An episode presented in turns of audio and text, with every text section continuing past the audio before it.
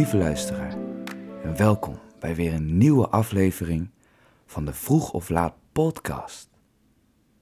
Denk jij wel eens na over jouw output?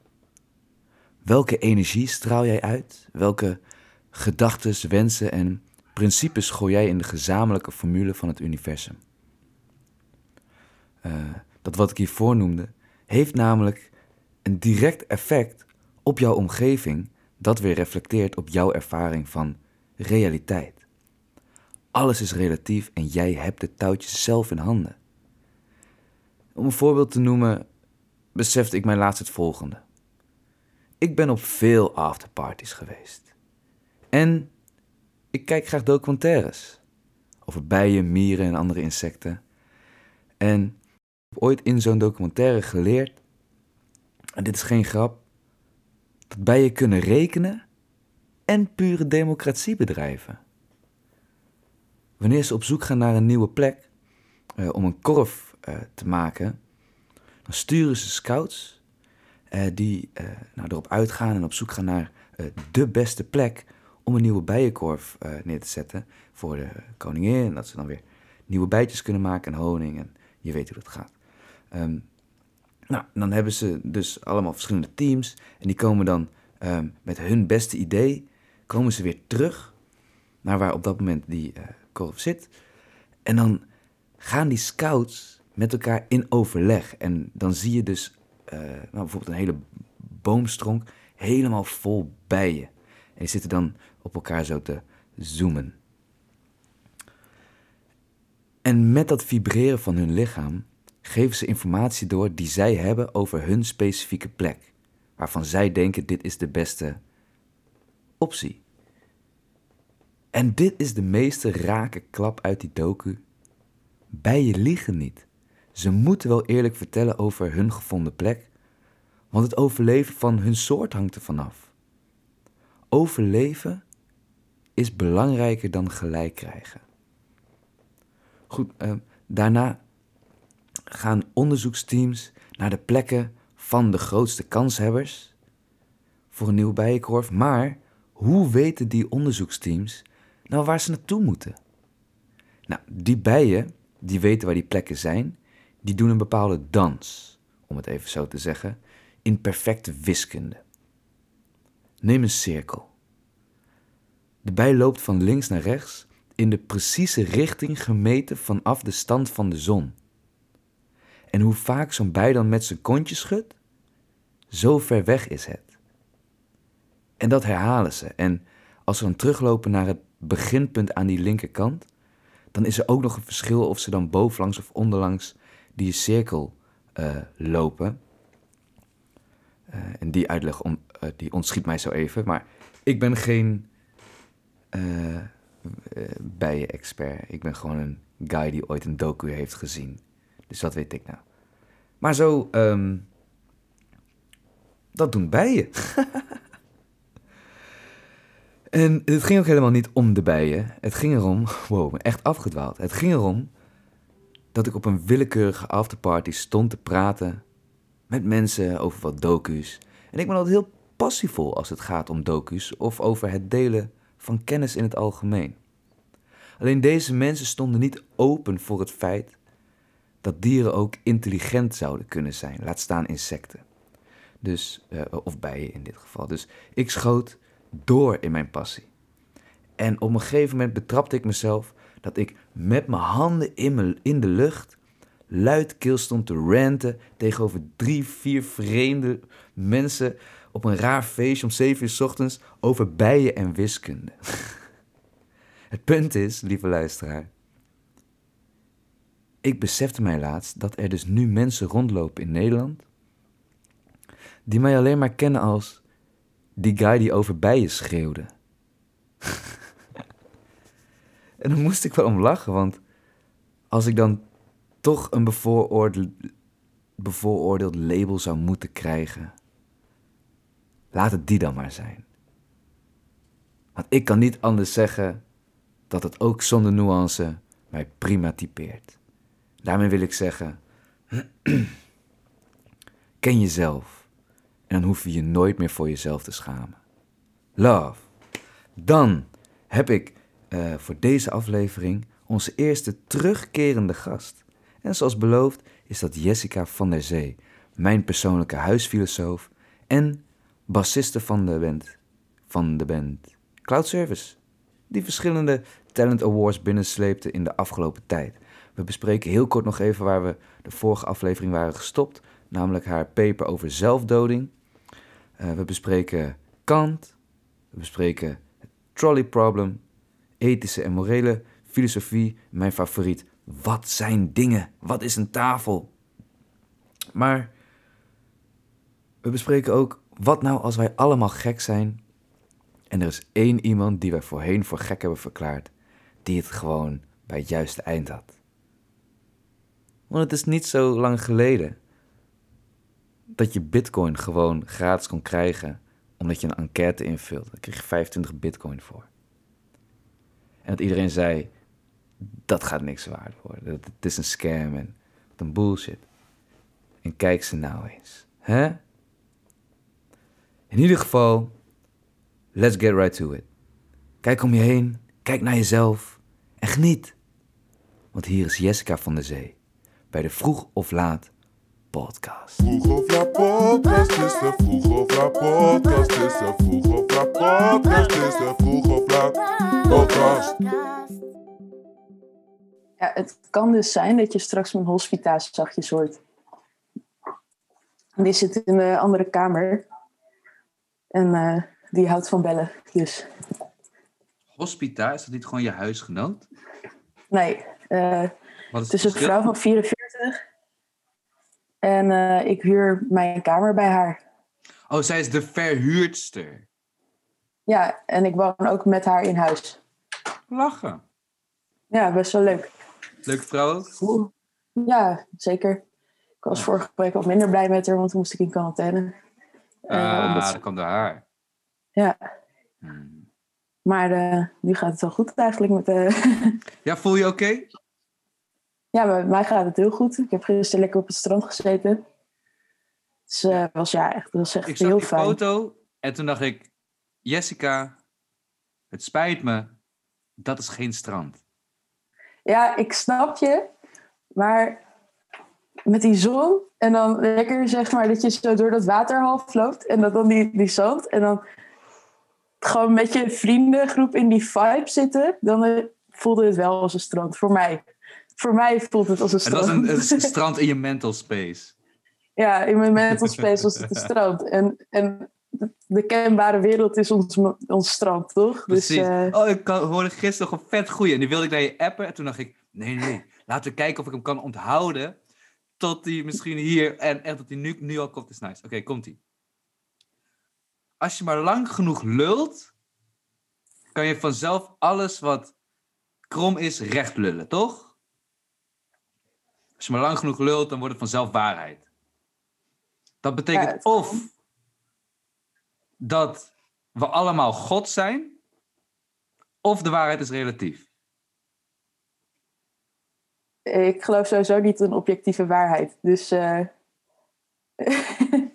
dus ja, dus ik ga sowieso voor het tweede. Ik geloof niet in objectieve waarheid, man. Ja, in ieder geval niet in objectieve waarheid die wij kunnen kennen. Kun je die eens uitleggen? Nou, ja, dat komt eigenlijk echt uh, voort uit een hele oude metafysische traditie. uh, het begon eigenlijk al bij Aristoteles en Plato, eigenlijk ook al voor Plato. Van wat kunnen we nou daadwerkelijk weten? Wat kunnen we nou kennen? En uh, ja, Plato die heeft natuurlijk zijn ideeënwereld. En hij geeft daar een heel mooi voorbeeld bij. Uh, namelijk in de ideeënwereld. Daar zijn, al, zijn gewoon allemaal dingen. En daarvan kennen wij alleen maar de reflecties. Ja, de wereld van perfecte vormen, toch? Ja, klopt. Ja, ja dat, zo noemen ze het ook wel inderdaad. Ja, ik ken het dan als ideeënwereld. Ja, en wij kennen het als reflecties. Hoe, uh, hoe, moet, hoe moet de luisteraar dat voor zich zien? Nou, hij geeft dan bijvoorbeeld een voorbeeld met bedden. Mm -hmm. Je hebt dan het ideebed. Dat is echt het perfecte bed, zeg maar. Dus alles wat wij denken, zo allemaal bed. Nou, dat is allemaal het ideebed. Maar dan uh, heb je bijvoorbeeld een meubelbaker. En die meubelbaker die gaat gewoon vervolgens daadwerkelijk een bed maken. Eh, en dat is dan, dat komt wel dichterbij, zeg maar, het ideebed. Maar er, staat er, er is gewoon een hele erge afscheiding tussen het ideebed en het bed aan zich.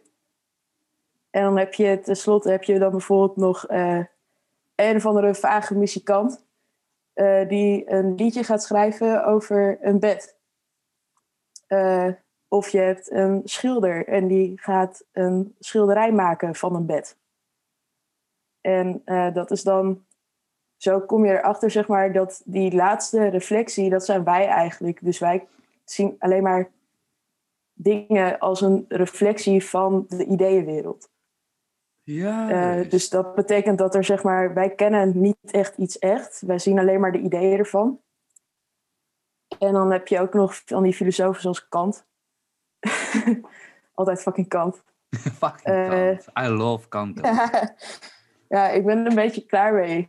ik heb veel Kant gelezen de laatste tijd. Ja, ik, ik zit net uh, door een blokje moderne filosofie heen. Op, oh, op de Unie ja, het is wel heel interessant, maar alles revolves around Descartes en Kant. Dus ja, het was wel heftig. Uh, ja, geloof ik. Periode. En ik had, uh, jij bent ook al van de, van de definitie filosofie, hè? Ja, ja dat vind ik, ik wel ik had namelijk um, laatst een discussie en ik denk dat dat wel heel goed aansluit op uh, de wereld van ideeën. Ik had het er met iemand over, wat is een tafel? Toch? En gaat het dan eens over uit. die uh, moleculen? Wat zeg je? Gaat het dan over die moleculen shit? Of, uh... Nee. Um, uh, dit ging over. Geef mij de basisdefinitie van een tafel. Net als dat, oké, jij weet vast die naam. Er was een filosoof die zei: De basisdefinitie van een mens is um, een vluchtloze vogel zonder veren? Uh, uh, ja, en. Uh, oh, fuck, ik ben de definitie vergeten, maar dat verhaal met Plato. Ja. Met Plato en de kip. Plato en de kip. Ja, dat is dan een ongevederd. zo. Die, nee, ik weet niet. Een ongevederd iets met twee benen. Ja, dat niet vliegt ja, het kwam vervolgens Dionysus aan met, uh, met een uh, kaalgeplukte kip. Ja. Ja. Nou, en het kwam er zeg op neer, want ik, ik zei tegen haar, ik zeg, geef mij eens de basisdefinitie van een tafel. En toen kwam zij met, nou, dat is een, dat is een, uh, een plateau met vier poten eronder. Ik zeg, oh, stop, stop, stop, stop. Dus een tafel in een bar met één zo'n poot in het midden, is dat dan geen tafel? Want die heeft maar één poot. Oh nee, fuck, shit. Ja. Dus dat is natuurlijk ook een tafel. Oké, dus de hoeveelheid poten maakt niet uit. Heeft uh, een tafel dan per definitie poten? En toen dacht ik, ja, maar als ik op, als ik in, als ik op Schiphol wacht op mijn vlucht en ik zit op de grond en ik zet mijn um, broodje en mijn koffie zet ik neer, uh, niet koffie, mijn thee, zet ik neer op mijn koffer, is mijn koffer dan een tafel? Ja, je kan natuurlijk verschillende shit zeggen. Want ik zou dan natuurlijk als eerste zeggen van...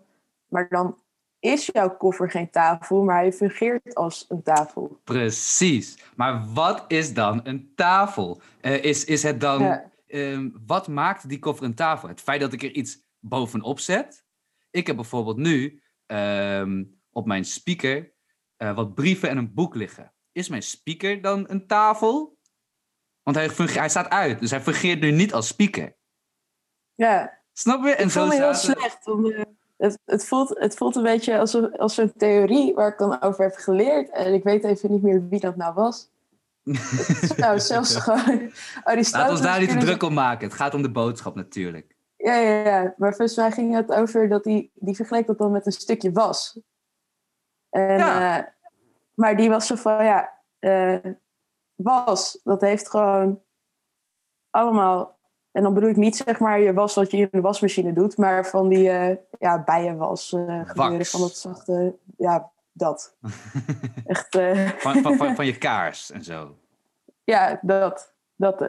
En eh, die was zo van, eh, ja, dat heeft allemaal verschillende vormen, eh, verschillende gewichten. Eh, en eh, het kan ook allemaal verschillende kleuren hebben en zo. Maar die kwam dus met een soort van onderscheid tussen primaire en secundaire eigenschappen van iets. Hmm. Dus dat bijvoorbeeld als je een deur eh, uit zijn, eh, uit zijn fundatie zou halen en zeg maar op een verhogingje zou leggen, dan is het ook een tafel. Precies. Dus ja, dat, eh, dat dan verschillende dingen hebben dan gewoon verschillende eigenschappen. En eh, ja, die ja, dat vond ik wel cool of zo, dat er dan daarin onderscheid maakt. Want wanneer is nou echt iets een ding? Wanneer is Ja. iets iets, inderdaad? wanneer heb je een substantie?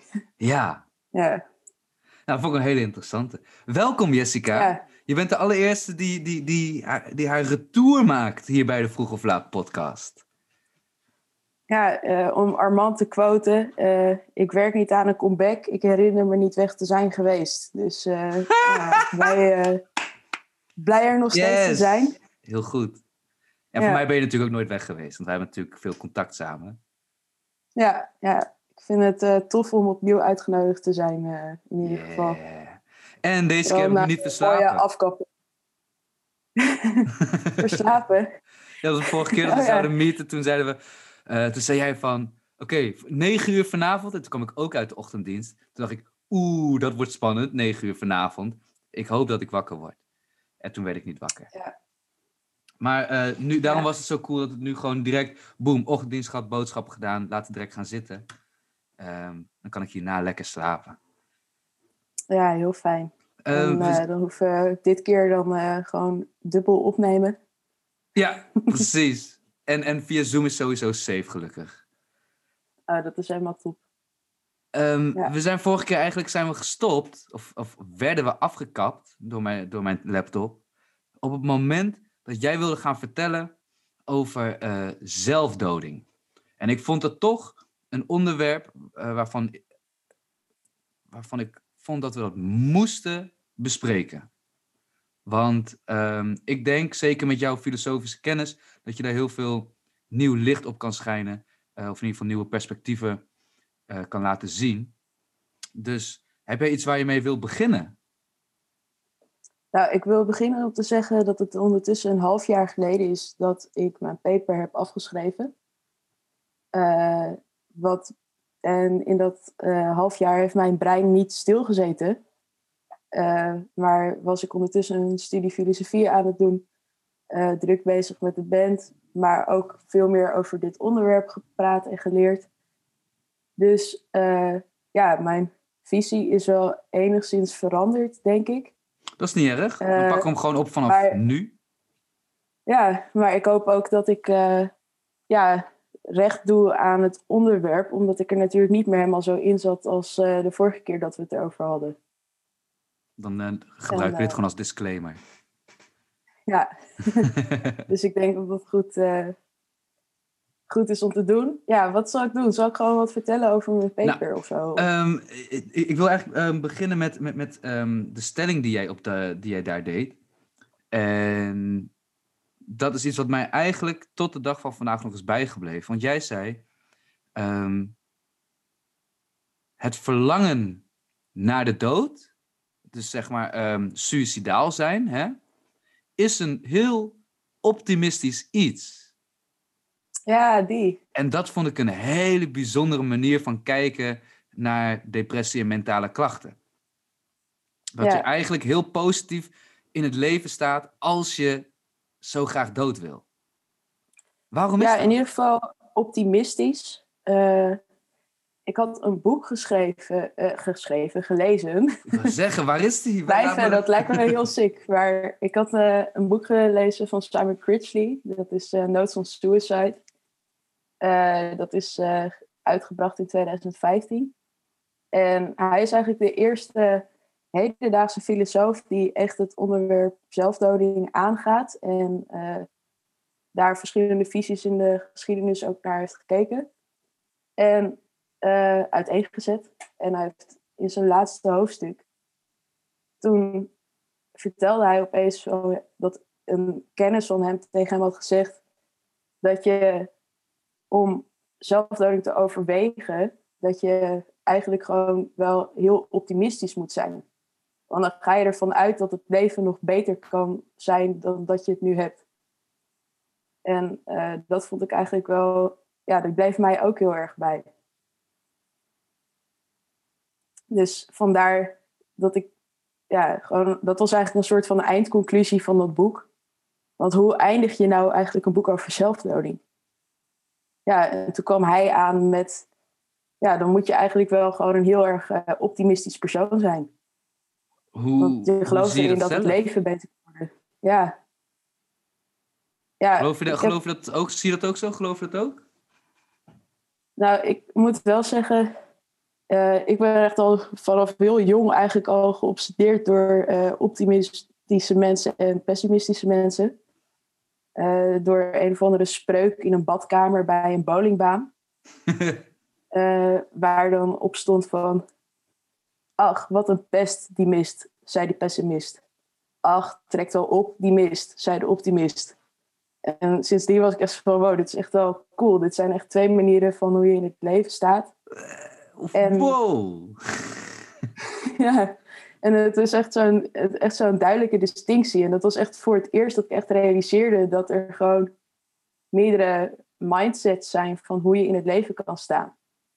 En daarvoor wist ik wel dat je blij of boos kon zijn. En ik wist ook wel dat andere mensen ook die emoties hadden. Maar dit was echt gewoon een hele visie op je leven, waar gewoon een duidelijk verschil in was. En wat gewoon met één zo'n zinnetje gewoon duidelijk werd gemaakt. Dus ik vond dat echt heel grappig. Hoe oud was je toen? Uh, ik heb geen idee. Misschien een uh, jaar of tien of zo. Zo. Ja. Wat de bowlingbaan uh, je allemaal niet kan, kan brengen, hè? Ja, wel.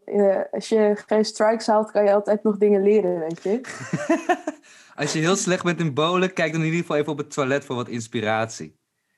Ja, je weet nooit wanneer je leven wordt veranderd door het toilet, weet je wel. Ja. Wow, ik denk dat voor heel veel mensen daar vooral een hele slechte ervaring mee hebben. ja, mogelijk wel. Ja, er kunnen ook leuke dingen gebeuren op de wc. Dus, uh, nou ja, ook weer de optimist, pessimist, pessimist natuurlijk. Ja, ja. nee, ja, en uh, ja, een paar jaar later, na dat onderscheid tussen optimisten en pessimisten, ik dacht altijd, oké, nou dat is heel mooi, uh, zo uh, gewoon mooie twee strijdkampen eigenlijk. Maar toen realiseerde ik me op een gegeven moment van, ja, waar is toch eigenlijk ook een derde weg, een soort van een realist, weet je wel? Mm -hmm. En wat, wat, wat zou die dan zeggen over die mist? Ja, dat de mist er is. Jo, dit is het. Punt. Ja. Zo van, het, uh, je hebt dan van, oh ja, het glas is half vol of het glas is half leeg. Mm -hmm. Of je zegt van, ja, er zit gewoon water in en de rest is gewoon gevuld met lucht. Maar ja, helemaal leuk. Maar gewoon een beetje van, ja, stating the facts of zo. Zit er ook een optimistisch of pessimistisch aspect in realisme? Want zeggen van, dit is wat het is, kan natuurlijk ook heel Ja. pessimistisch of optimistisch worden opgevat.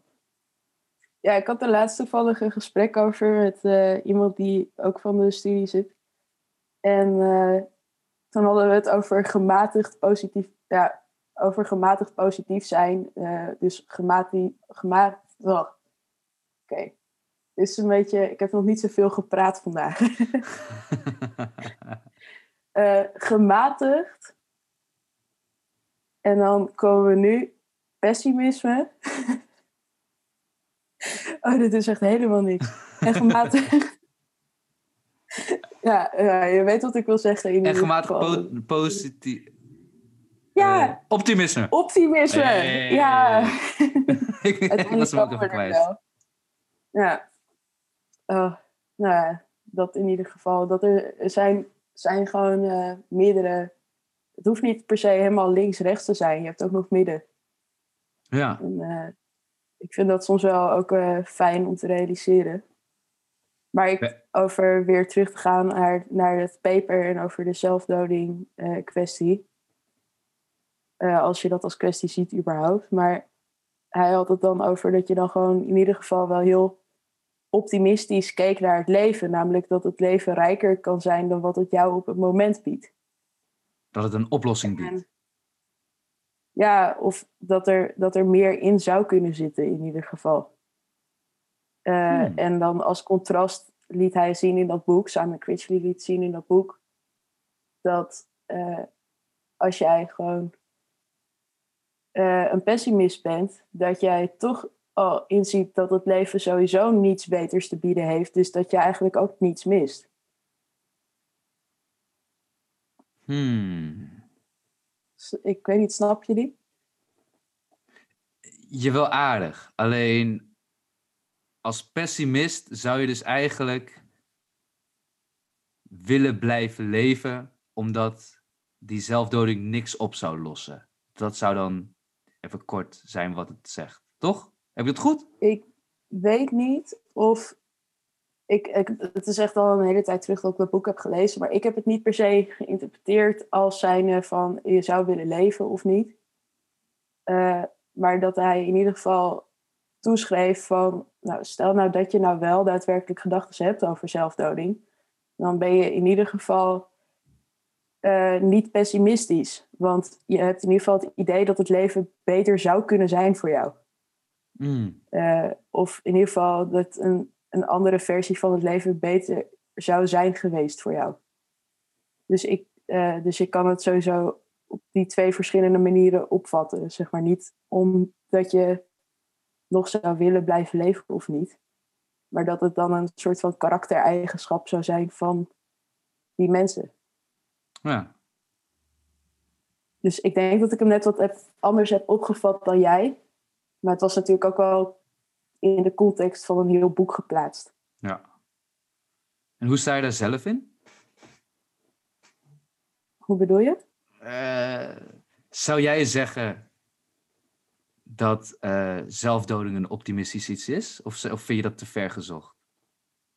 Of misschien helemaal niet ver genoeg, weet ik veel. Uh, ik vind het in ieder geval heel interessant. Een heel interessant idee. Maar uh, ik vind het altijd iets van ja, ik heb op het moment zelf helemaal geen gedachten over zelfdoding. Dus ik weet niet hoe ik in godsnaam daarover zou moeten oordelen. Vind ik goed gezegd. Ja, ik, ja.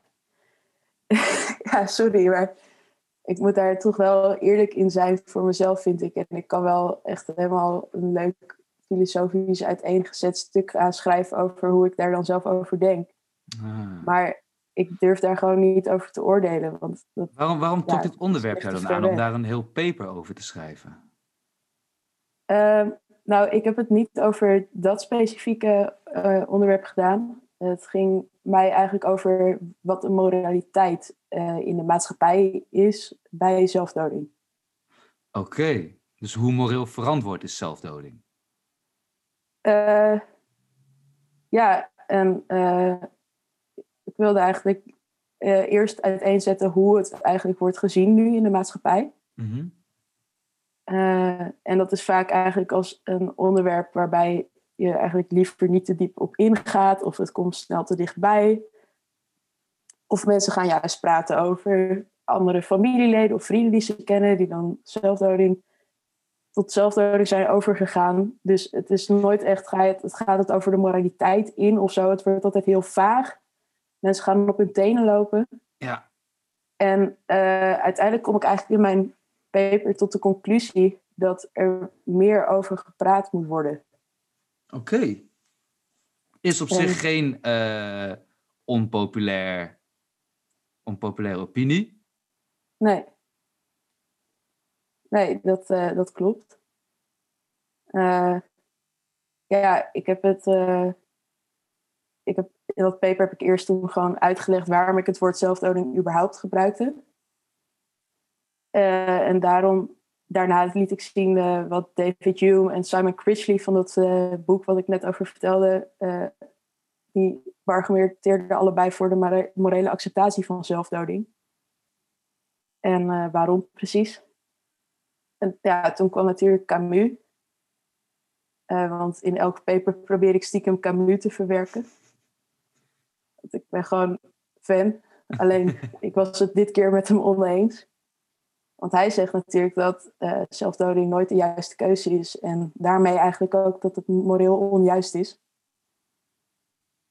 Uh, maar ja, daarna toen besprak ik weer een andere auteur. En die zei van ja, hoezo zou je het überhaupt als keuzemogelijkheid moeten zien? En dan ging het specifiek over dat het als keuze werd gezien. Van of je doet het of je doet het niet. Kun je eens uitleggen? Hij, ja, dat kan ik. Uh, dan, het is wel een tijdje terug, dus ik heb heel snel het essay net opgezocht stiekem. uh, hij, hij, ja, dat is David Velleman. En uh, hij schrijft heel duidelijk over best wel heftige ethische kwesties. En daarbij zet hij vaak de geschiedenis een beetje uiteen en uh, geeft hij daarna zijn eigen morele standpunt erop. En hij zegt door iemand zeg maar een keuzemogelijkheid te geven, door iets als keuzemogelijkheid te gaan zien, dat dan uiteindelijk de idealen, zeg maar, dat dat dan slechter, voor slechtere situaties zorgt dan als wanneer je iemand geen keuzemogelijkheid geeft of keuze geeft.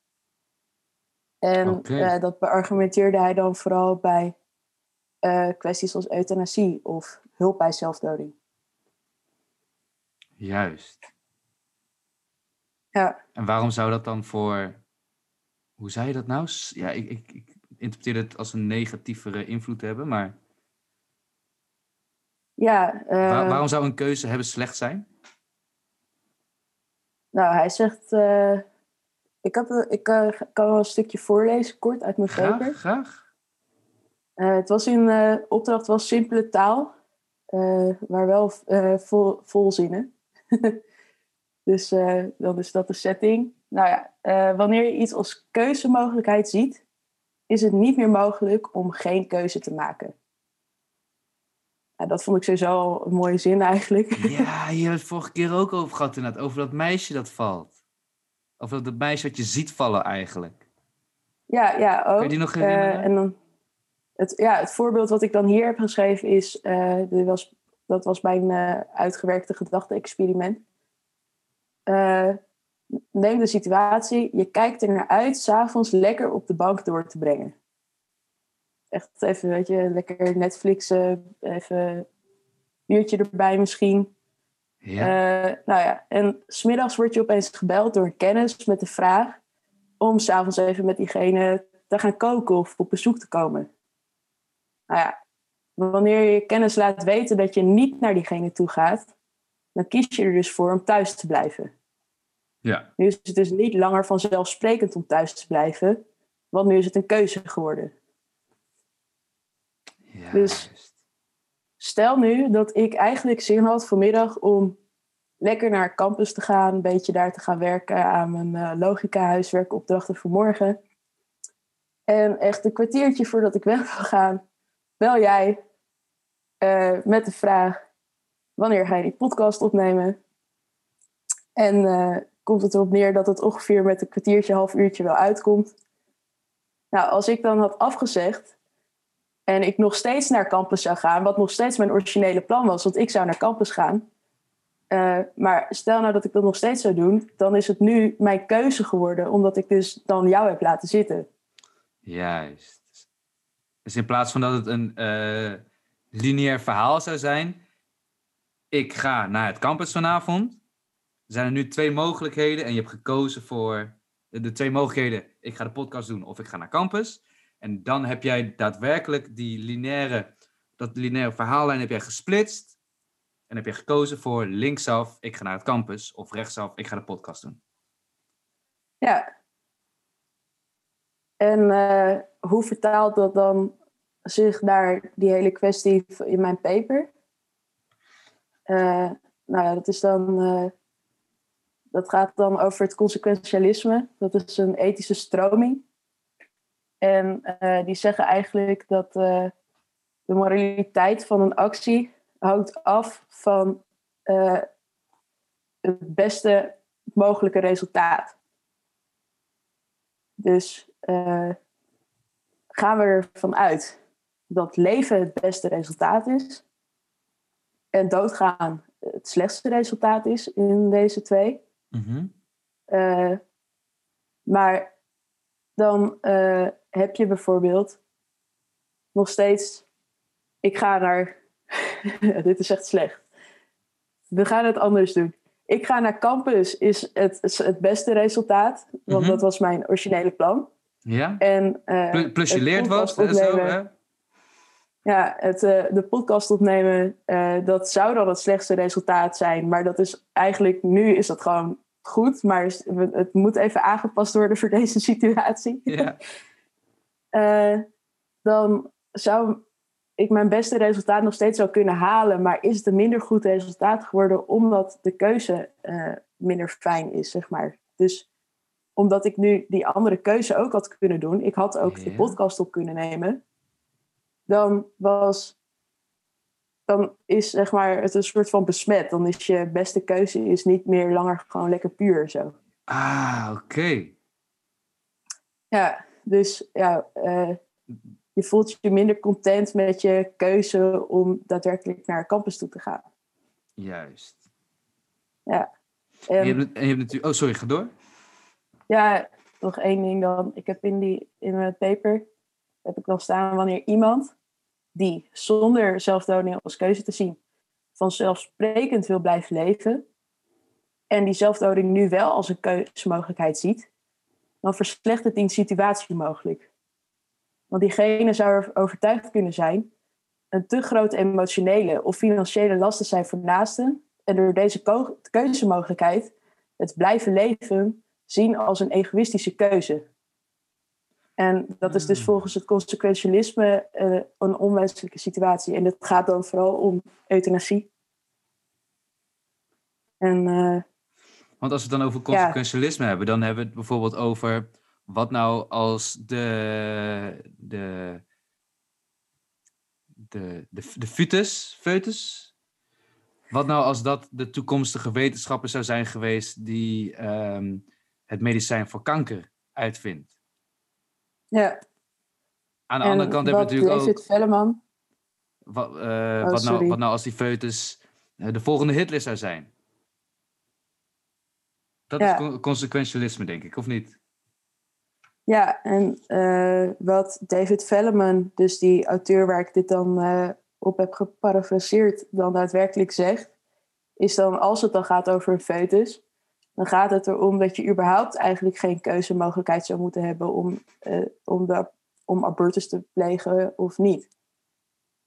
En eh, waarom dan? Nou, omdat in ieder geval die keuzemogelijkheid hebben de situatie dan zou verslechteren. Alleen dat gaat dan weer alleen gaat het dan bij euthanasie en hulp, hulp bij zelfdoding. En dat gaat dus niet over abortus. Daar heeft hij heel andere dingen over geschreven. Maar als je het dan vertaalt naar zo'n situatie, dan zou dat het zijn. Oké. En mijn hoofd ging nu direct even naar het voorbeeld over ehm, de, de persoon die nooit liegt. Ben je bekend met die? Ehm, Nee. Dus, dus de, er wordt bij mij aangeklopt en ik zie mijzelf. Ik, eh, sterker nog, ik loop. Ik ben ontzettend trots op het feit dat ik nooit lieg. Ik heb nog nooit gelogen en ik, eh, ik zal ook nooit liegen. En de eerste leugen die je vertelt, geeft dan ook direct smet op alle waarheden die jij hebt verteld en zal vertellen. Maar nu wordt er op jouw deur geklopt, of op mijn deur geklopt. Klop, klop. Hoi, wat kan ik voor je doen? Hoi Bradley, Eh, ik, ben, eh, ik ben een moordenaar, dit is mijn kettingzaag. Ik ben op zoek naar je kinderen. Waar kan ik die vinden? Dus ga ik liegen? Of ga ik de waarheid vertellen? Want als ik lieg, dan lieg ik. Vertel ik de waarheid, eh, ben ik mijn kinderen kwijt. Snap je? Ja. Ken je dat Ja. voorbeeld? Ken, ken je dat metafoor? Ken je dat, ken je dat, die, dat gedachte-experiment? Ja, die ken ik. En ik heb ook een gekke, eh, gekke twist ervan gehoord. Eh, Oeh, oké. voor- Voordat je die gooit, hoe zou jij erin staan? Want het is natuurlijk heel makkelijk om te zeggen, "Huh, ik zou gewoon liegen en hem zelf neersteken, of weet ik veel. Maar wat, wat kun je nou echt het beste doen als je echt overtuigd bent van jezelf? Nee, ik zou nooit liegen. Ja, je dat op? ik ben. Ik denk niet dat ik die persoon ben. Ik ben ook al vrij trots op dat ik eigenlijk eerlijk ben. Maar vooral op zo'n manier van, ik zeg gewoon altijd gewoon alles wat in me opkomt. En ik ben een verschrikkelijke flap uit. En ik heb liever eh, dat vriendschappen voorbij gaan omdat ik eerlijk ben dan omdat ik heb gelogen. Dus, eh, Ja, dus dat is eh, ook waarom wij nog steeds vrienden zijn. nice. Nee,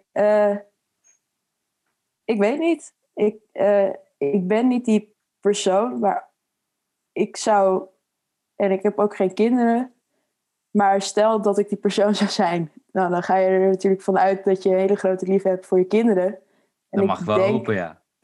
Ja, en ik denk dat eh, als, ik, als ik naar mijn ouders zou moeten kijken, dat ze misschien een grotere liefde zouden hebben voor mijn zusje en mij, dan als voor hun morele intactheid. Juist, Dus- oké. Maar dan heb je gelogen. Dus ik kan geen woord Ja. meer van jouw ouders vertrouwen die ze ooit nog gaan zeggen. Want Ja, blijkbaar zijn ze staat te liegen. Eh, of het, eh, en, en dat dit de grens is, zwaar, zal wel, maar ze kunnen liegen. Maar hebben we het nou over Kant Maxime? Gaan we het nog meer over Kant hebben? Fuck, zijn we toch weer op kant teruggekomen. Altijd, man. Want eh, in principe zou je kunnen zeggen, het feit dat die moordenaar aan jouw deur is, is, een, is, is de consequentie van wat daarvoor gebeurd is. Ja, het feit dat. eh, eh, en, en wie ben jij om in de weg te staan van zijn grote droom? Namelijk het vermoorden, het vermoorden van jouw kinderen. ja maar wie... waarom zou eh, mijn grote droom dan niet in, in overweging genomen mogen worden? Namelijk dat ik mijn kinderen zie opgroeien. Ja, dus wiens droom weegt zwaarder? Ja. Ja, dat is het interessant. Wiens droom weegt zwaarder? Als ik heel graag mijn kinderen zou willen zien opgroeien. Ehm, eh, en, en ik zeg, ja, mijn kinderen moeten hun eigen leven leiden en hun eigen keuzes maken. En zij hebben op een dag stenen door een ruit lopen gooien van een eh, kettingzaagmoordenaar. Dan is dit toch de logische consequentie? ja, is heel, een heel stom, hele stomme discussie, maar zo, zo gaat het wel. Ja, ik weet niet, gaat het zo? Want volgens de, volgens de wet eh, ben jij dan zeg maar als persoon die de deur Fuck de wet. De wet is vloeibaar. Die pas, dat hebben we de afgelopen Ja. eh, jaar hebben we gezien. De wet is zo vloeibaar. Die wordt gewoon aangepast hoe ze willen. Dus daar hoeven we ons niet druk om Ja. te maken. Daar hebben we toch geen invloed op. Waar we wel invloed op hebben, zijn onze eigen keuzes. Ja. Ja. ja, wordt het dan een soort van één tegen één van ik ga knokken voor mijn kinderen en eh, of hoe zit dat dan? Want dan gaat het nog verder dan het liegen. Houden we daar dan bij op? Of gaan we nog verder dan een discussie Ja, in want- over die andere shit? Oké, oké. Dus je liegt. Oké? Dus je liegt. Ja, Zegt, "Hmm, ik heb geen kinderen. Of je liegt over waar zijn ze zijn daar. Oké, dank u wel meneer. Eh, ga ik daar even zoeken. Hey, succes hè met je kettingzaag. Nou, komt die rot etenstijd, komt hij terug. Klop, klop. hey, waar je zei dat ze zouden zijn, dat zijn ze helemaal niet. Maar je zit net te eten en hij ziet ze zitten aan, aan tafel. Dan heeft jouw leugen, zoals, eh, als het ware, die moordenaar teruggebracht naar de locatie waar je kinderen op dat moment zijn.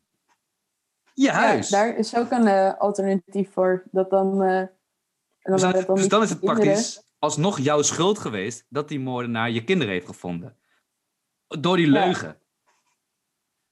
Ja, dit, ik ken dan een eh, versie en dat was dan met, stel je leeft in de Tweede Wereldoorlog en je hebt, en je hebt bijvoorbeeld Joodse onderduikers boven in, op zolder. Mhm.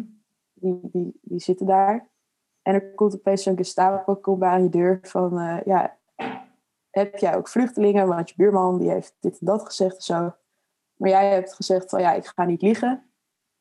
Eh, maar voor deze keer wil je een uitzondering maken omdat er een leven op het spel staat. Maar wat jij niet weet is dat de Joodse eh, onderduikers hebben gehoord dat er iemand aan de deur is. Dus die zijn gevlucht via de achterdeur. Maar jij gaat liegen en je zegt nee, ze zijn niet boven. Ja, jij gaat liegen en je zegt ja, ze zijn niet boven. Ze zijn gewoon, eh, ze zijn misschien eh, in de tuin of zo. Alleen maar om gewoon ja, tijd te winnen. En vervolgens heb je jezelf dus genaaid, weet je wel. Ja. Ja, plus, wat, en, en dan heb je nog weer een variant erop. Dan zegt hij, oké, dus ehm, je, je, hebt, je, je hebt onderduikers. En die, ehm, die ken jij verder helemaal niet. Maar die heb jij via via heb jij gezegd, nou, die wil ik dan wel opvangen, want ik heb nogal plek. Ja. En zij blijven lekker op die zolder zitten terwijl je aan het lullen bent met die Gestapo. En dan zegt die man, zegt dan ineens, als jij mij niet de waarheid vertelt waar jouw onderduikers zijn, dan vermoord ik je buurman. En jouw buurman is, je, is, is de, of je buurvrouw, is de allerbeste vriend die je ooit hebt gehad. Die ken jij. Ja, Oh, ja het is komen we nu weer niet terug op het trolleyprobleem? ja.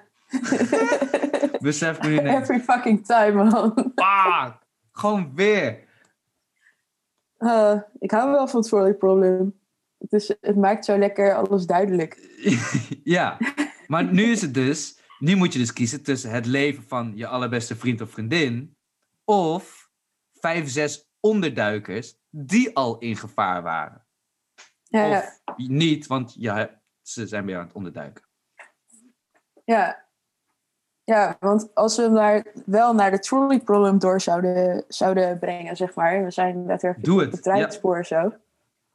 Dan wil ik altijd gewoon één ding heel graag uitsluiten. Namelijk de mensen die zeggen, ik ga niks doen.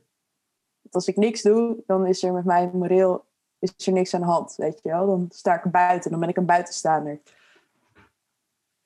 Maar ik vind dus dat je als je iets ziet, dan ben je altijd gewoon betrokken. En eh, ik vind dat altijd iets, daar kan ik echt niet tegen als mensen zo zijn van, ja, ja, als ik dan niet handel, dan ben ik een buitenstaander. Heb ik ook niet het bloed van één persoon op mijn handen of eh, weet ik veel. Maar ik vind dan dat je juist gewoon schuldig bent, omdat je gewoon helemaal geen reet hebt uitgevoerd. Ja, ik, Ja. ja, Nou, dan komen we terug dat- op conse- consequentialisme. Van geen keuze maken is ook een keuze maken. Ja, precies. Dat, dat vind ik ook. Dus daarom ruimt hij weer mooi met eh, David Velleman eh, van het paper. Ja, ik vind dat als je, als je geen keuze maakt, dan maak je inderdaad nog steeds een keuze, namelijk om niks te doen. Ja. Dus ja, dus die wil ik gewoon heel graag uitsluiten. En dan heb ik ook zoiets van, als je dan al betrokken bent in de situatie, probeer dan het beste te doen. Want je bent nu sowieso betrokken in de situatie. Alleen dan is de vraag, wat is dan het beste?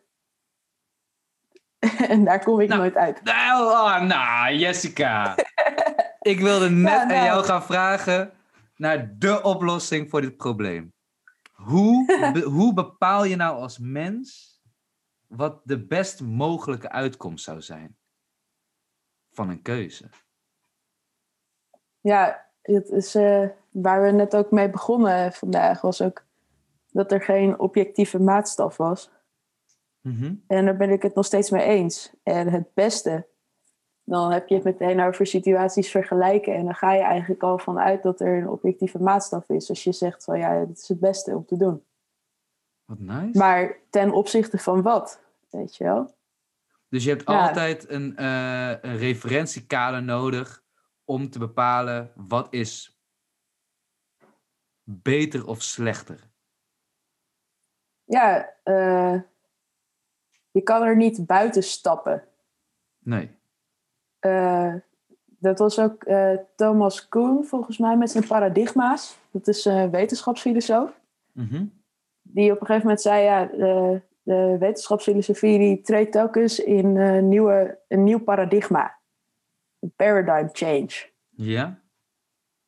Ehm, maar hij zei, ja, die verschillende paradigma's kun je nooit met elkaar vergelijken. Want we kunnen er niet buiten staan, want je bent altijd gebonden aan een paradigma. Ja. En wat is dat dan? Nou, bijvoorbeeld, vroeger geloofden we dan dat de eh, zon om de aarde heen draaide.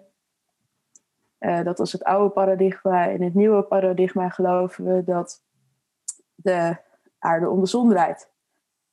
Maar we kunnen nu niet zeggen, kijk, en, dat, en waarom verandert er dan van alles? Nou ja, dan verandert er van alles in de wetenschap, in het humanisme. Hoe zien we onszelf als mens? Zijn niet meer het centrum van het heelal. Eh, maar dat is dan in ons eh, gedeelte van het universum, is dat nu de zon geworden in plaats van de aarde. Eh, dus het heeft allemaal grote consequenties voor ons. Maar die, zijn, die kunnen we nooit objectief beoordelen, omdat wij er gewoon in gevestigd zijn. Mag ik hier wat over zeggen? Of was je nog niet klaar? Natuurlijk. Ik heb eh, recent de, de hele docu-serie eh, De Kinderen van Ruinewold gekeken. Heb je die gezien? Nee. Nog steeds Nee? niet. Oh, ga kijken. Eh, ik, had hem, je- ik had hem je getipt, toch? Hij is filosofisch heel, belang, eh, heel interessant. Nou. ehm. Oké, ik zit even te denken, hoe ga, ik- hoe ga ik dit brengen zonder als een sukkel te klinken? Want ik, ik ken namelijk twee van de drie oudsten persoonlijk. Dus ik moet ook even ehm, met wat meer empathie, sympathie dit proberen te vertellen. Ehm, wij als buitenstaanders, voor ons is het heel makkelijk om te zeggen: wat die vader geloofde, is fucking idioot. Hoe kun je daar zo heilig van overtuigd zijn en dat dan ehm, eh, op je kinderen eh, pushen dat zij dat ook moeten geloven? Is voor ons heel makkelijk om te zeggen, en want wij zitten in een ander paradigma dan, dan hij zit. Hij stond Ja. letterlijk buiten ons paradigma. Maar wat nou als hij gelijk had? Wat nou als hij de. En, en, en dit is puur hypothetisch. Wat nou als hij de enige, nou in ieder geval hier in Nederland, misschien wel op de wereld was, die gewoon wist hoe het zat? Ja, Want je, je eh, kan dat zeggen wat je wil. Hij is in 2019 is dit eh, naar buiten gekomen. Is de jongste, eh, is de jongste van de vier oudste. Is naar buiten gegaan en heeft het hele verhaal verteld. Dus was uitgekomen. Dat was de zomer van 2019. En zij zaten daar ter voorbereiding op de ondergang van de wereld. Een jaar later, nadat dat was gebeurd, hebben we een wereldwijde pandemie. Ik ga niet aan die pa uitleggen dat hij ongelijk had, dat hij compleet gek in zijn hoofd is, met de wetenschap, dat we gewoon, met de wetenschap van nu waar we in leven, weet je wel. We hebben een pandemie en we zitten helemaal vast onder de regels en onze vrijheden zijn afgenomen. En het is 1 voor 12 op Doomsday klok, weet je wel. Dus ergens mm, moeten we het misschien met een korreltje zout nemen. En dan bedoel ik niet alleen wat hij zegt, maar wat iedereen denkt en zegt. Wat buiten onze eh, grip van realiteit valt. Eh, ons besef van realiteit valt. Ik heb het idee dat je volgens mij eigenlijk elk standpunt wat er is ongeveer met een, eh, een halve bus aromat op mag kruiden. Dat, eh, maar, dan, maar dan leven we niet zo lang om dit allemaal te bespreken. Want dan gaan we allemaal dood aan, aan, aan, aan hart- en vaatziektes. Dus. ja, klopt. nee, ik heb echt. Ik, ik ben gewoon echt best wel van overtuigd. Maar dat is natuurlijk ook weer heel leuk, want dat is ook subjectief. En dan heb je eigenlijk een soort van cirkel, cirkelredenering. Het ondergraaft mijn eigen argument. Want ik geloof er eigenlijk dat niets echt objectief kan zijn wat wij kennen. Nee. Nee, ik, ik maar wie zijn wij dan om die man te veroordelen?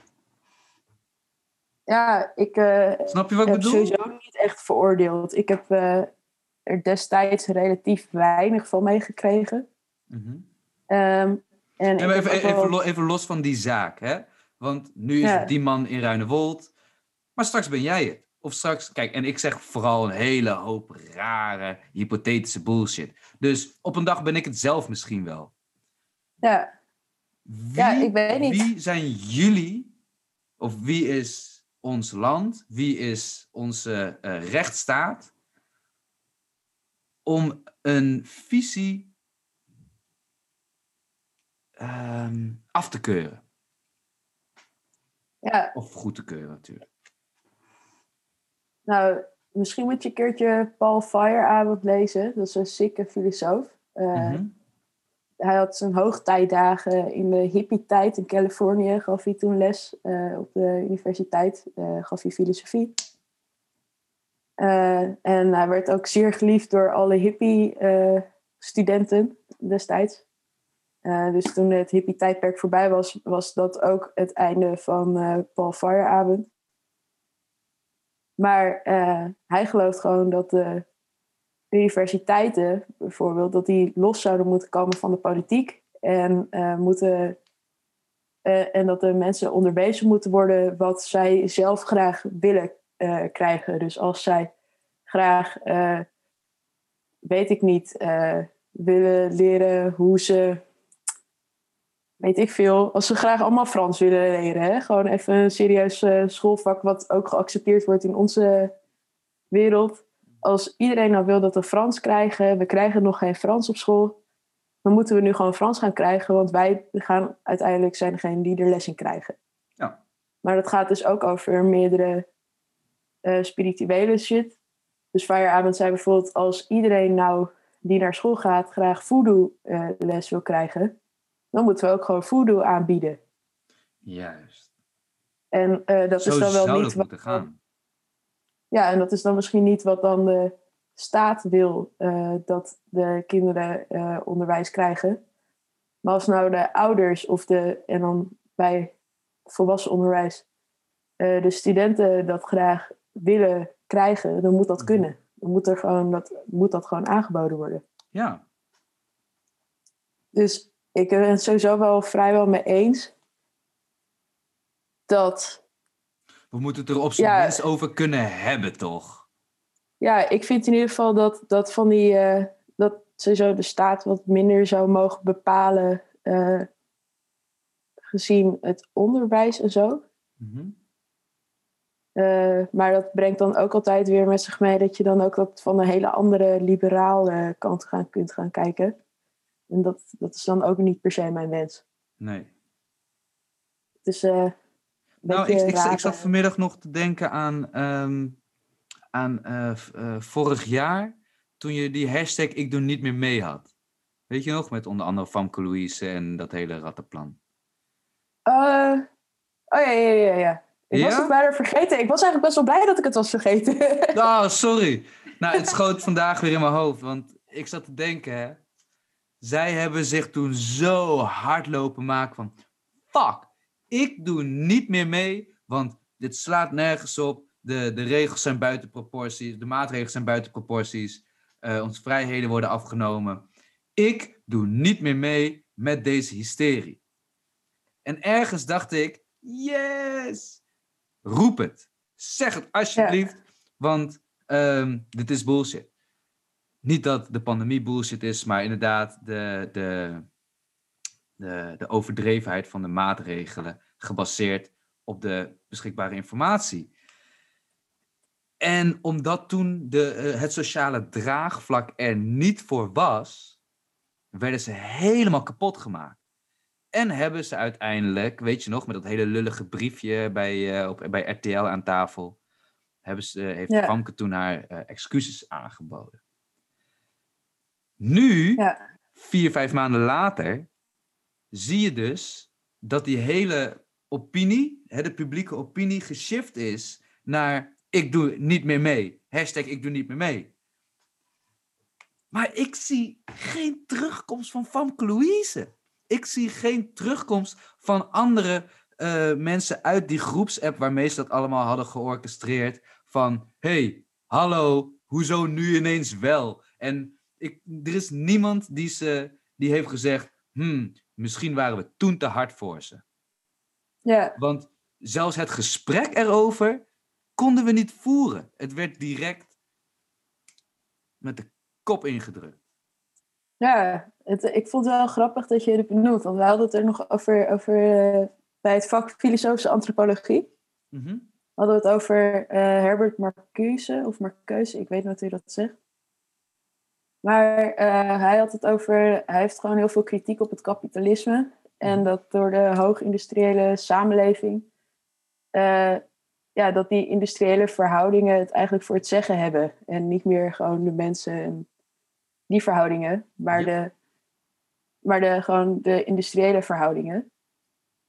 Eh, maar die zegt ook dat het kapitalisme, die kan altijd zeg maar alles omvatten. Ook kritiek op het kapitalisme. Ja. Eh, en dat kan je dan bijvoorbeeld doen door marktwerking. En dat was wel heel interessant. Eh, en toen gaf hij op een gegeven moment ook dat voorbeeld over Famke Louise. Dus dat vond ik heel grappig. Oh, echt waar? Oh, grappig. ja, hij, was er van, ja, het was een soort van abstracte tolerantie eh, die, je, die je dan vormgeeft in het kapitalisme. Eh, door te doen alsof alle mogelijke stemmen evenveel waard zijn. Dus bijvoorbeeld Famke tegenover die viroloog. Ja, het maakt het onmogelijk om een vrije keuze te maken. Eh, dus je kunt nu niet meer doen aan kritische zelfontplooiing, want er wordt al gewoon. Er zijn te veel stemmen om je nog eh, kritisch te kunnen verhouden er tegenover. Ja. En volgens Marcuse wordt dat dan weer een soort van broedplaats voor onderdrukking. Juist. Dus dat was Maar, wel. maar dat is toch ook een beetje de, of tussen het kenmerk van een totalitair regime, dat zelfs de tegenspraak wordt georchestreerd door eh, het team dat de macht heeft. Ja, De- door de koploper, om het even zo te zeggen. ja. Ja, het is eigenlijk ook een beetje een abstracte discussie wat we nu houden over werkelijkheid, weet je wel. Op, over hoe we nu gewoon praten over van, kun je een talkshow? Ja. Ja, Lekker makkelijk ook. eigenlijk- eh, ja, maar dan hebben we nu gewoon toch kritiek op hoe onze kritiek, hoe we onze kritiek kennen, weet je wel. Wat Dat toch- meta zeg. Ja, het is echt very meta. kritiek hebben op het kritiek hebben van het kritiek hebben. ja. ja, best wel toch? ja.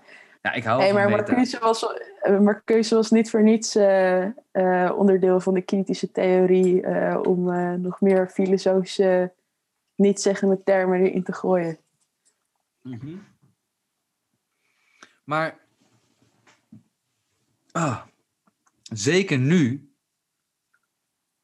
in het moment dat eigenlijk alle, dat eigenlijk de eerste versoepelingen weer eh, naar buiten gebracht zijn. Eh, en ook en allemaal stortvloed trouwens. Even. wat zei je? En als een soort stortvloed trouwens. Ja, Maar alles als je, mag weer volgende week.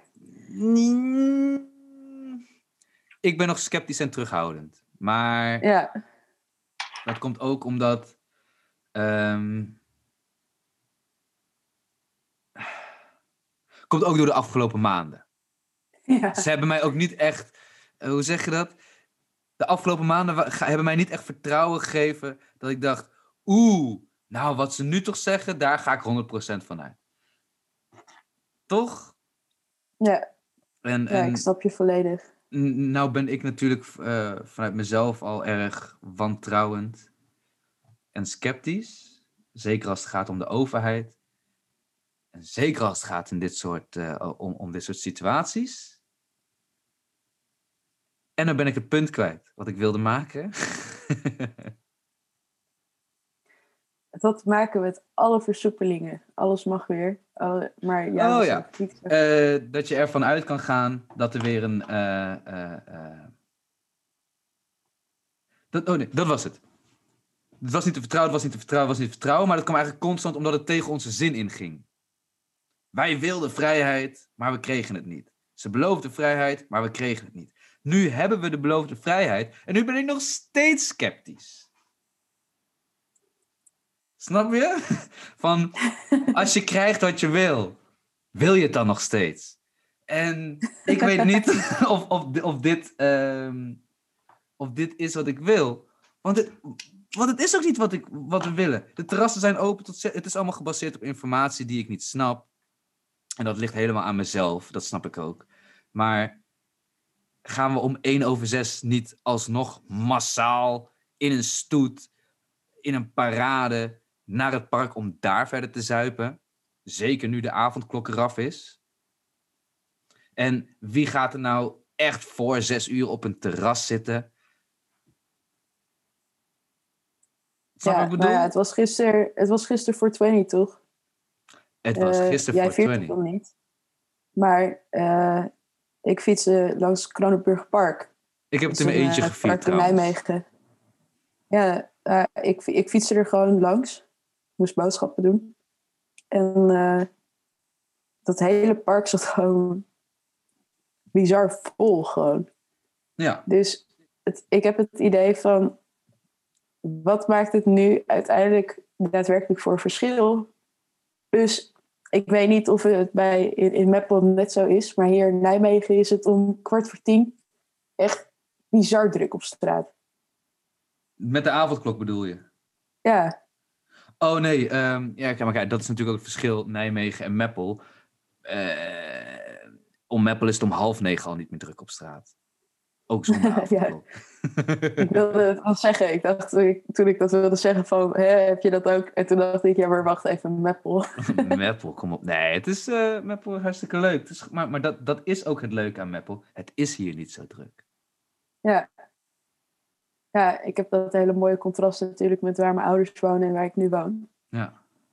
Dus eh dat is Maar, wel... eh, en, en dan komt er ook nog eens bij, ehm, ik, ik hou natuurlijk, hè, want we, we kwamen net al even op, op, op, op die kinderen van Ruinewold en dat soort dingen. Ik hou er wel van om gewoon even, even in het extreme te duiken, om even in zo'n hypothese te duiken. En ze gaan nu strengere handhaven op plekken waar het echt druk is. Ja. En nu is de, de complottheorie, meneer in mij, is al direct van, oh, eh, eh, eh, ze zullen al die vrijheden wel hebben ons wel hebben gegeven, zodat ze achter gesloten deuren meer controle naar de staat kunnen trekken, zodat ze sneller, actiever en heftiger kunnen optreden als het hen uitkomt. Want ja, het zal straks net zo druk zijn in de parken, want hoeveel plekken hebben terrassen nou echt? Snap je? Eh, alle terrassen in Nijmegen, eh, kun je die echt vullen met alle mensen die jij gisteren in het park hebt gezien? En als, dat, en als het al zo zou zijn, zou de politie dan niet alsnog weer optreden dat het te druk is? Snap je? In het centrum dan, in plaats van in het park. Dus gaan we niet alleen maar de locatie verschuiven en doen alsof we gegund zijn door de overheid. Ja, ik weet het niet. Eh, kijk, wat ik wel weet is dat ik het gewoon... Die horeca-ondernemers allemaal va- vet hard gun, weet je. Tuurlijk, Dus tuurlijk. Maar je, je gunt het de artiesten toch wel. net zo goed? Ja, maar ik Met, met de volle iedereen. zalen en dat soort dingen. Ja, Maar het gaat ook niet Het om gewoon- gunnen. Het gaat om wat. Wat is nou echt het. Nou ja, eh, hebben we de cirkel weer rond. Wat is nou Wat is echt het beste om te doen? en dat is dus Ja. subjectief. Dat, daar zouden we nooit over kunnen oordelen. Behal, eh, tenzij Nee. we een nieuw paradigma ingaan. Ja, en ik denk echt oprecht dat dit een van de mooiste dingen is. Wat kan illustreren wat nou het beste is. Dat je dat, dat, dat geen duidelijke maatstaf heeft. Nee. Want wat voor het een het beste is, is voor de ander echt totaal niks waard. Dus dat Nee. is echt. eh, Hoe ga jij er Ja. tot, tot, tot nu toe nog mee om? En hoe zie jij de rest van het jaar voor je? Heb je zoiets van, oh, we zien het wel en Eh. ik blijf gewoon mijn ding doen? Of ga je echt een, ben je wel echt iemand die zich een beetje aan de regels wil houden? Nou, ik ben eh, vorige week voor het eerst echt in quarantaine geweest. Eh, omdat een huisgenoot, nou mijn hospita dan, die had dan eh, corona. Dus toen zat ik vervolgens de hele week thuis. Ja. Maar wat ik, ik ben drie keer getest uiteindelijk. Alle drie de keren negatief. Maar wat ik vooral heel interessant was, vond, waren de meningen van anderen. Oeh. Eh, dat, eh, dat ik, als ik dan een appje stuurde van... hé, hey, ik zit in quarantaine. Hoe verschillende mensen daarmee omgingen. Eh, voorkomen? nou ja, natuurlijk dan de zorgen die bij sommige mensen wegkomen van hey, zitten, zijn wij nu ook besmet? Sommige mensen juist weer heel lief vragen van hoe gaat het met jou? Vermaak je je nog? Kan ik boodschappen voor je doen? Eh, sommige mensen die zoiets hebben van ja, maakt mij niet uit dat je potentieel nu overdraagt. We kunnen wel gewoon chillen. Wat ik uiteindelijk dan niet heb gedaan, omdat ik me gewoon moreel bezwaard daarover voelde. Ook al was ik toen al twee keer negatief getest. Ja. En eh, iedereen staat er zo anders in. En waar ik me ook heel erg op verbaasde, was eh, de richtlijnen van de GGD. Mhm. Want mijn hospita en ik, die wonen dan wel in één huis. En we delen sanitair en de keuken samen. Maar we zitten niet bij elkaar aan tafel. We knuffelen niet met elkaar. We zitten niet samen op de bank. Helemaal niks. Nee. Maar eh, dus van de ene eh, mailtjes van de GGD of via de telefoon van de GGD kregen te horen dat we wel gezien werden als huisgenoten en dat ik in quarantaine moest. En bij de andere punten was het alsof we helemaal geen huisgenoten waren en ik mocht gewoon eh, doen en laten wat ik wilde. Dus toen was ik echt van, hoe zit het nou? Dus nou, en ik denk, dat, en ik denk dat die eh, emotie heel erg heerst. Omdat er gewoon te veel onduidelijkheid is.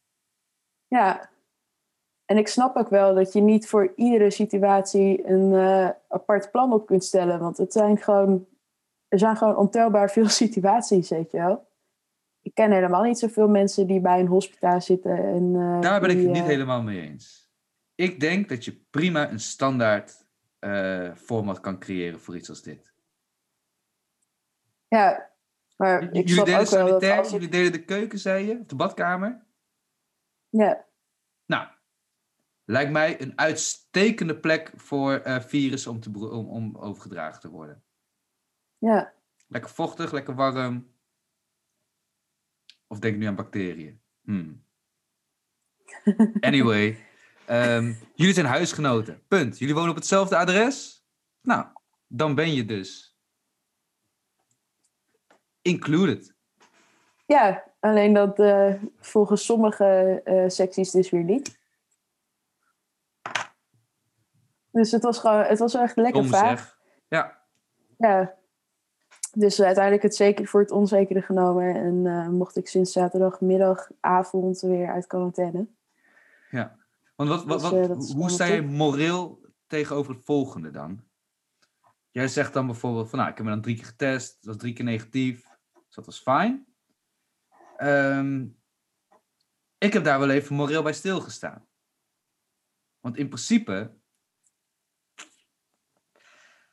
wat zeggen die testen nou eigenlijk? Hè?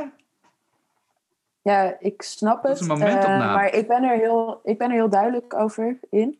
Eh, Mhm. Namelijk, de eerste keer was ik getest om te kijken of ik niet de persoon was die bijvoorbeeld Jennifer had aangestoken. En daar dus mee vorige week allemaal mensen heb aangestoken mogelijk. Mhm.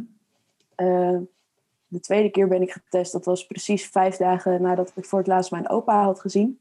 Mhm. Eh, om zeker te weten dat ik bij het eten bij mijn opa mijn opa niet heb aangestoken. De laatste keer was eigenlijk gewoon de lijn van... oké, ik heb het nog steeds niet. eh, ik mag nu weer naar andere mensen toe. Mhm. En met alles was het gewoon het andere mensen. Want ja, ze kunnen daarmee gewoon zien of ik het virus dan daadwerkelijk zover heb ontwikkeld... dat ik het echt kan verspreiden, zeg maar. Ja. En eh, het gaat me allemaal niet om mezelf.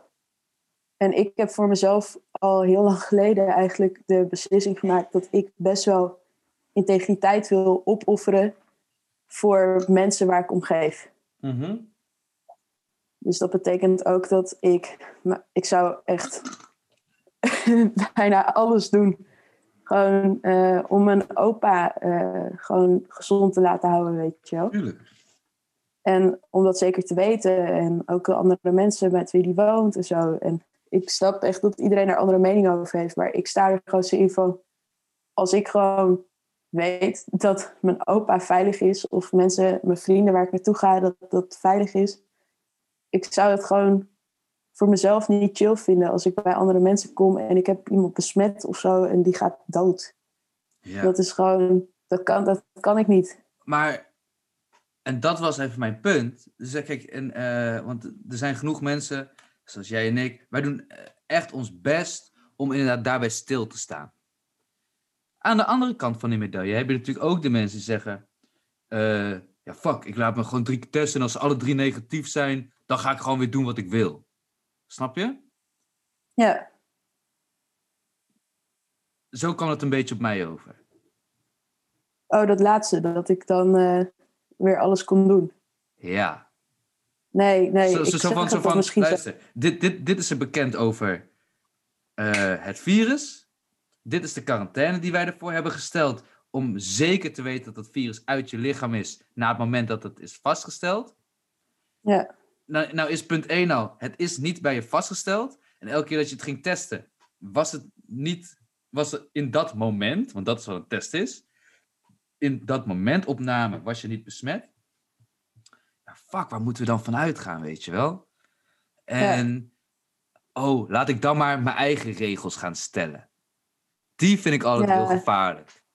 Dat, dat, nee, dat je, bij dat je op- was het dat je op- gewoon... eh, dat je op eh, eh, het ontbreken van kennis dan maar wat gaat doen. Want zo voelt eigenlijk deze hele pandemie. Ja, maar bij mij was het meer van... Die eerste test was gewoon om zeker te weten... Eh, ik ben jou ook helemaal niet aan het voor het hoor. Jessica. Nee, nee, maar dat heeft misschien alleen bij de laatste test dat het meespeelde, weet je wel. Want bij die eerste twee tests waren het gewoon... Dan heb ik mijn familie en vrienden besmet. Wat voor acties moeten zij straks ondernemen? Die tweede test was, heb ik mijn opa besmet. Eh, hopelijk niet, laat het niet zijn, weet je wel. Ja, En die laatste test, toen had ik al gewoon in die hele periode niemand meer gezien. nee. Dus dan was het eigenlijk alleen nog maar voor mezelf. En dan Hmm. moest ik wel zeggen, die laatste test, dat was wel voor mezelf, maar ook ter geruststelling van, als ik nou met Rosalie ga afspreken, weet je wel, mijn vriendin in Nijmegen,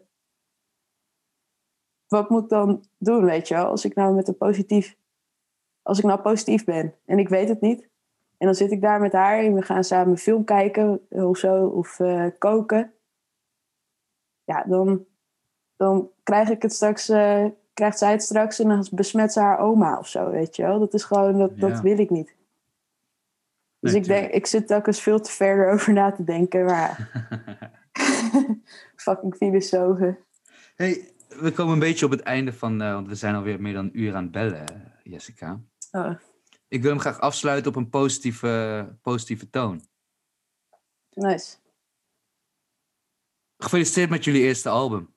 En dankjewel voor de LP. Want sinds ons vorige Oh, gesprek is top. die nu dus uit.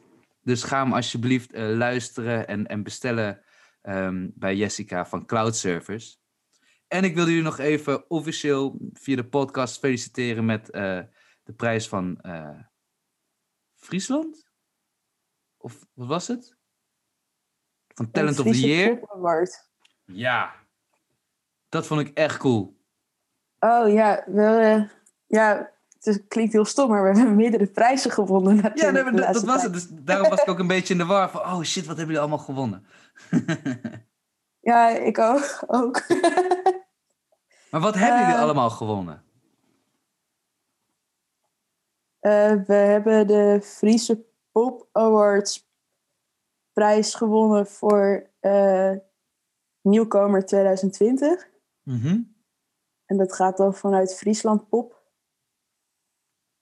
En we hebben van Popgala Noord, wat onderdeel is van Eurosonic Noorderslag, hebben we het beste talent, eh, ja, Best Talent Award gekregen. Ik ben echt trots op jullie als artiest, maar ook gewoon als, als vriend van de band. En dat ik ben echt, ik heb het al honderd keer tegen gezegd. Ik voel gewoon oprechte trots en, eh, en eh, ik leef een beetje mee in jullie avontuur of zo. Ja, het was echt leuk. Ik was echt, uh, we gingen best wel even lekker. En ja, ik, mis, ik mis, mis de jongens wel een beetje, want ik heb hier een heel weekend gespendeerd. En normaal oefenen we ieder weekend. Dus ja, dat was. Ja, ik ben gewoon heel blij met die jongens. Uh, ja. En om met ze in de band te zitten. En het gaat gewoon heel leuk. En, wat, wat en het gaat album dit... is uh, inderdaad nu een maand uit. Dus ja? dat is wel gaaf. Hoe is die ontvangen? nou, heel veel leuke recensies gehad. Ja. en vooral veel leuke reacties van mensen, ook uit onverwachte hoeken. dus dat, dat is gewoon super leuk. En uh, heel veel mensen die we dan kennen, maar ook heel veel mensen die we niet kennen, die toch dan de plaat hebben besteld. Dus dat is eigenlijk echt heel gaaf. Nice. En wat heeft dit jaar dan nog voor jullie in petto? Wat, eh, wat zijn de plannen? Want het, het lijkt, vooral zoals het nu is, best wel veel weer mogelijk. Even onder voorwaarden We hebben ons ingeschreven voor de popronde. Yeah! Uh, Van dit jaar en volgend dan jaar? hopen we uh, van uh, de komende editie. 2021, sorry. ja, maar die van vorig jaar was ook verplaatst naar half dit jaar. Dus daarom is het een beetje naar de komende editie, zeg maar. Ah, oké. Hebben we ons ingeschreven. Uh, dus dat lijkt me super gaaf als we daarvoor geselecteerd worden. Ik heb Ja. ook het idee dat we binnen een maand ongeveer ook antwoord krijgen daarop. Uh, dus dat is wel spannend. Popronde, En, eh, eh, boek ze, want ik, ik ben sowieso fan. Ja, nou tof. En eh, ik ook. Retweet. Nee, retweet. Ja, eh, en we zijn in de zomer nog iets van plan. eh, wat te maken heeft met, eh, met de zon, zee en strand. En daarvoor moet je vooral onze Facebook en Instagram. Cloud Surfers Music en Cloud Surfers in de gaten houden. Want dat, ik weet niet in hoeverre dat allemaal gedeeld is. Ik heb er nog niks van gezien. Pieter. Nee, onze gitarist eh, Pieter, die kunnen we ook wel PR Pieter nou noemen. Onze Pieterist. Ja, echt, eh, wat een held is dat. Die eh fixt dat. En hij is nu heel hard bezig met Ramses daarvoor. Onze Cool. drummer. Dus er ko- komt echt iets leuks eh, weer te liggen. En we gaan, zijn bezig met het tweede album. Waarvoor volgens mij nu de tracklist compleet is. Ik sprak Pieter gisteren toevallig. En ik ben nu alweer benieuwd. Hij zei dat hij Ja. bijna af was. En als jij zegt dat de tracklist af is, dan ga ik daar wel vanuit. Ja, de tracklist is af. En eh, we moeten nog een paar dingen sleutelen. Die jongens zijn afgelopen weekend ook wezen sleutelen. Want die zijn gewoon wezen oefenen. Alleen daar was ik niet bij. Eh, en die hebben een concreet plan opgesteld volgens mij. En eh, ja, dan, dan gaan we weer verder. Dus er komen leuke dingen aan, man. Ja, is, jullie blijven wel even bezig, hè? ja, Nice. Ja, heel fijn. En Jess, dan wil ik jou bedanken voor vandaag. Dankjewel dat je even tijd wilde vrijmaken voor, eh, voor mij en voor de, voor de luisteraars. Altijd hoor. Zou jij eh, nog even, eh, we gaan natuurlijk het, het afsluitende ademmomentje even doen. Dat is het moment dat we met z'n allen even, oh, even stil gaan staan. Even ademhalen. En dan met nieuwe energie, met nieuw zuurstof in ons bloed, doorgaan op nieuwe voet met ons leven. En ik vind dat we nou, eigenlijk dagelijks, maar één keer in de twee weken is wel het minste wat je kan doen. Even diep ademhalen. Zou jij hem willen aftellen, Jessica? Ja, dat wil ik wel. Get it. Nou, drie, twee, één.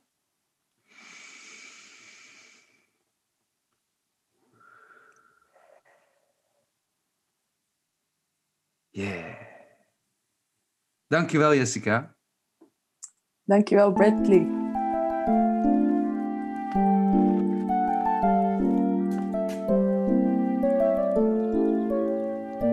Wauw, dankjewel Jessica. En jij, lieve luisteraar, bedankt weer voor het luisteren. Dat waardeer ik toch altijd ontzettend. Eh, beluister alle muziek van Cloud Service via de link in de bio. Drop een follow en support je young creatives. Volg de Vroeg of Laat podcast op Instagram, volpodcast. Dat is VOL podcast. Ehm, stuur je feedback, vraag of simpelweg je groetjes naar vroeg of laat podcast at gmail.com. En that's it. Enjoy je week en take it easy. Take it sleazy. And ain't nobody fuck with Yeezy. Bye.